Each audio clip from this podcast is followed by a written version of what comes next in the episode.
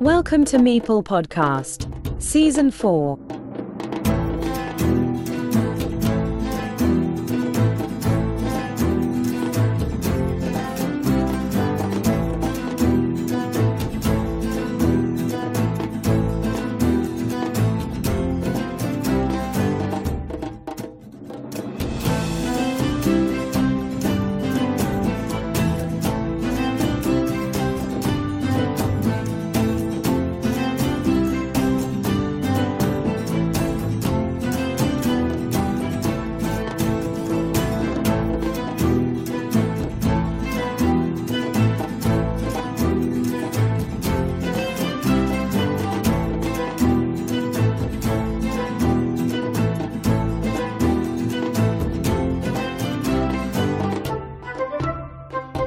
Hello again, welcome to Meeple Podcast. Among every player who goes to the Carcassonne World Championship, there are some of them who repeat the German experience.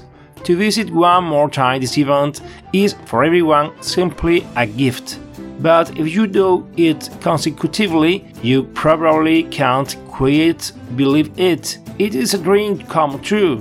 Dark Jørgensen, hognej on BGA, welcome. Thank you for having me on your podcast. How many times had you been to the World Cup? Last year was my first time competing in the World Championship, so this year will be my second participation. This year it takes place in Herne at the Spielerzentrum and the trophy ceremony will be held in Essen during the Spiel Festival. What is your opinion on the change of location of the tournament? In Essen, there were a lot of people that wanted to get to the Spiel Festival at the same time the tournament started, so a lot of traffic on the metro to get there. And uh, the basement we were playing in was also quite hard to find, even though we got a very detailed explanation on how to get there beforehand. But uh, after getting there, the location was very nice to play in.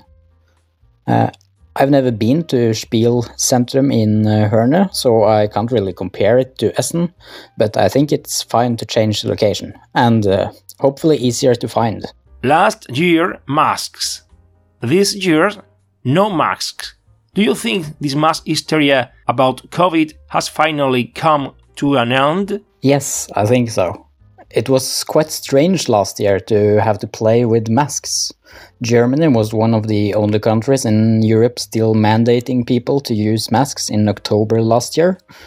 Um, in Norway, for example, all COVID control measures stopped in around February, I think. Tell us briefly about your experience last year in general and what are your expectations in this edition?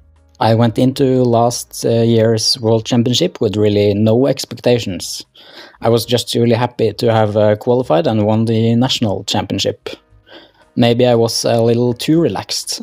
I actually almost didn't get to compete at all.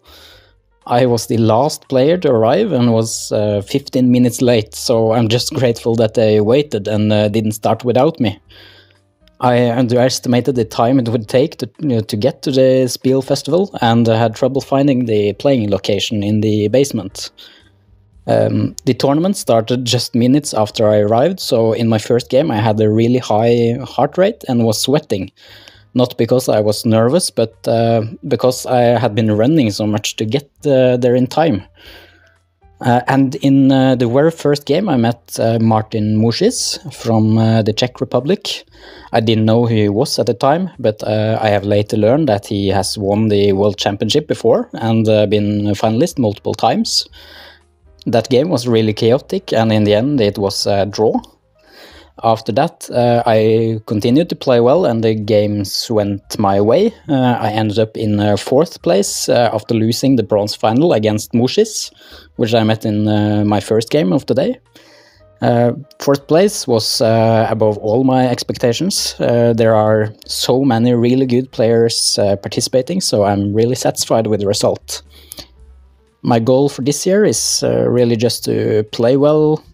Carcassonne has a lot quite a high luck factor on a high level since players don't uh, do many big mistakes. Uh, I'll be happy this year if I, uh, after the tournament, feel that I have played well, um, regardless of what the result is in the end.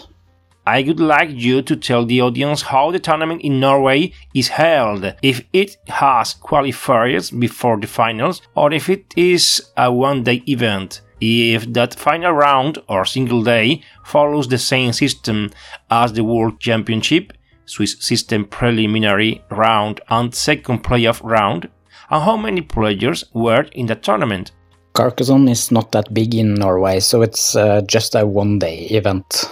Um, this year there were only 12 participants, uh, which is on the lower end of how many usually participates. Uh, the tournament uh, format is uh, similar to the World Championship Swiss uh, system for the preliminary rounds, uh, but six rounds instead of five.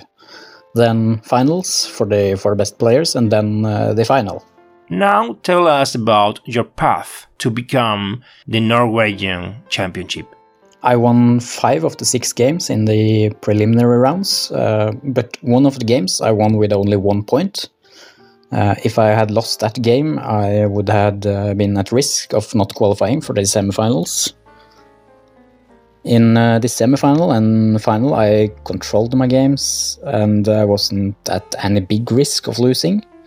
Though in the final, I thought my opponent would be able to take over uh, the big field if she drew the right tile and uh, take the win from me. But uh, I had miscounted the tiles, and uh, it was actually no tiles fitting to connect into the big field. Finally, I always ask all podcast guests what they value most about their trip to the World Cup. Now that it's not your first time, I guess it's not all about expectation, but also about what are you going to relive? It's a really great experience and uh, nice to meet other competitive uh, Carcassonne players, not just online. Uh, I really like to play face to face too. Also, uh, last year, since I got to the bronze final and uh, played all day, me and my girlfriend had not time to experience the Spiel festival. Uh, this year, we will have time for that on Sunday, since the competition is on Saturday. Tell me something. How does it feel to beat Osvaldo del Arco in the quarterfinals that year? He is four-time Mexican champion, and he was undefeated during the Swiss system last edition. Osvaldo del Arco was one of the few players I recognized from uh, Board Game Arena, so I knew he was a great player. In the game against him, uh, I got an early lead and was able to keep the lead throughout the game, uh, in the late game, I think I gave him uh, no path back to victory, so I'm really happy how I played that game. And when you get knocked out in the semifinals, is it any consolation that the player who eliminated you was finally the one who won the World Cup?